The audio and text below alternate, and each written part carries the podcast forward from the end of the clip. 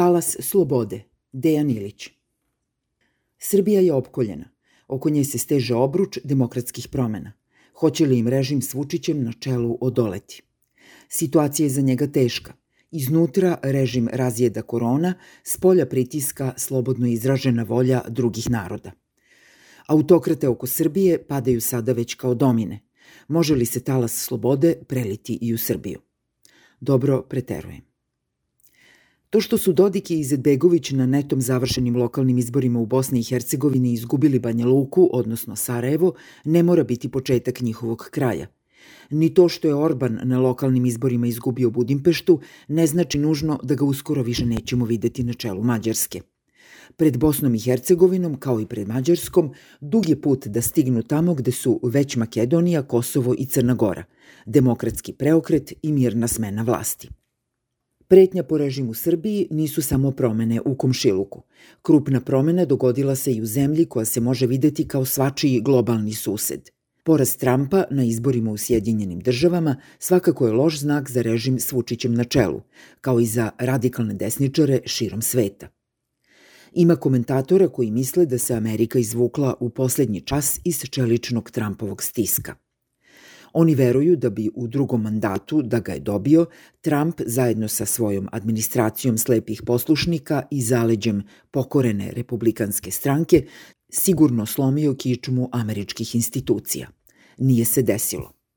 Ako bi se režim s Vučićem na čelu sada okrenuo ka svojim nešto daljim uzorima u Poljskoj ili Turskoj, ni tamo ne stoje stvari dobro po autokrate – Erdogan je, kao i Orban, Dodik ili Izet Begović, na lokalnim izborima nedavno izgubio svoj veliki i prestižni grad Istanbul, dok se Jaroslav Kašćinski, povlačeći konce države sa čela svoje stranke Pravo i pravda, očito preigrao i upetljao oko zakona o zabrani abortusa, kao što se Đukanović sapleo o po svemu bespotrebni zakon o slobodi veroispovesti – pa sada Kašćinski mora da se nosi sa talasom organizovanih i masovnih protesta tamošnjih slobodno mislećih žena i muškaraca. Nesrećna Belorusija sa Lukašenkom na čelu priča je za sebe i ovde je možemo ostaviti po strani. Dakle, ako je suditi po znakovima iz bliskog, evropskog i globalnog susedstva, Vučiću se loše piše. Pitanje je samo ima li Srbija kapacitet da se pridruži ovom svojevrsnom demokratskom domino efektu. Izjave Brnabić o Srbiji kao zemlji bez podela, gde se jednoumno i u velikoj većini glasa za vođu, nisu merodavne. One samo pokazuju da je režim svestan šta se sa svih strana valja prema granicama Srbije i nemušto pokušava da na taj izazov odgovori.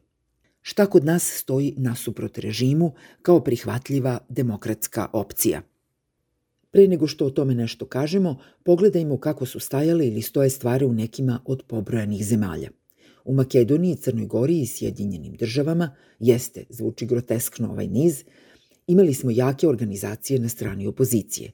U Makedoniji i SAD to su jake i masovne političke stranke. U Crnoj Gori to je bila Srpska pravoslavna crkva. U Mađarskoj te u Bosni i Hercegovini, kao i u Turskoj, na mesto jakih stranaka stale su široke opozicione koalicije. Više takvih koalicija u izbornoj utakmici u Crnoj Gori oslonilo se na Srpsku pravoslavnu crkvu. Izvesno je da se jedna takva koalicija upravo formira u Poljskoj oko ženskog prava na izbor. Izlazak na ulicu je drugi bitan element – Izbornim pobedama opozicije u svim ovim zemljama prethodili su dugotrajni, uporni i masovni protesti. Ljudi su demonstrirali protiv režima u Crnoj Gori mesecima, a u Makedoniji i u Banja Luci praktično par godina. Amerikanci su takođe pre nego što su glasali protiv, otpor Trumpu i njegovoj administraciji pružili na ulici. Slično je bilo i u Turskoj i Mađarskoj – Pre brojanja glasova, opozicijono nastrojeni žitelji tih zemalja međusobno su se prebrojavali na ulici i zaključili da je promena moguća. Kontramiting režima u Srbiji kao odgovor na veliki protest opozicije iz 2019. stoga treba videti kao jasnu demonstraciju gole sile, ali i sile brojeva. Na opozicionih 40.000 ljudi režim je organizovano izveo preko 100.000 svojih sumnjivo dobrovoljnih pristalica – Prekomerna upotreba gole sile protiv demonstranata u julu 2020. trebalo je da ima isto vaspitno dejstvo nad nepokornim žiteljima Beograda i Srbije. Slično se ponašao i Dodik u Banja Luci krajem 2018. prema pokretu Pravda za Davida, kada je brutalnom policijskom silom rasterao ljude sa ulice. Pored policije, demonstrante su kasnije gonili i sudovi ali Stani Vuković, novi gradonačelnik Banja Luke iz redova opozicije, imao je hrabrosti i umeća da ugušene zahteve sa ulice, uprkos pritisku, prevede u polje institucionalizovane političke borbe, što mu je na kraju i donelo pobedu na izborima.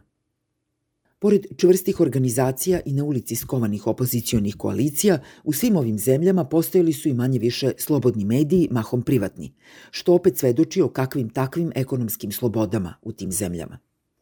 Sada možemo da podvučemo crtu.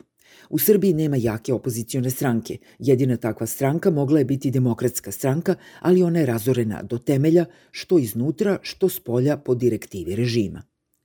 Izlasci na ulicu su sporadični i za sada nisu doveli do stvaranja širih koalicija. Umesto da od toga postane jača, posle svakog izlaska demonstranata na ulicu, opozicija izgleda slabije.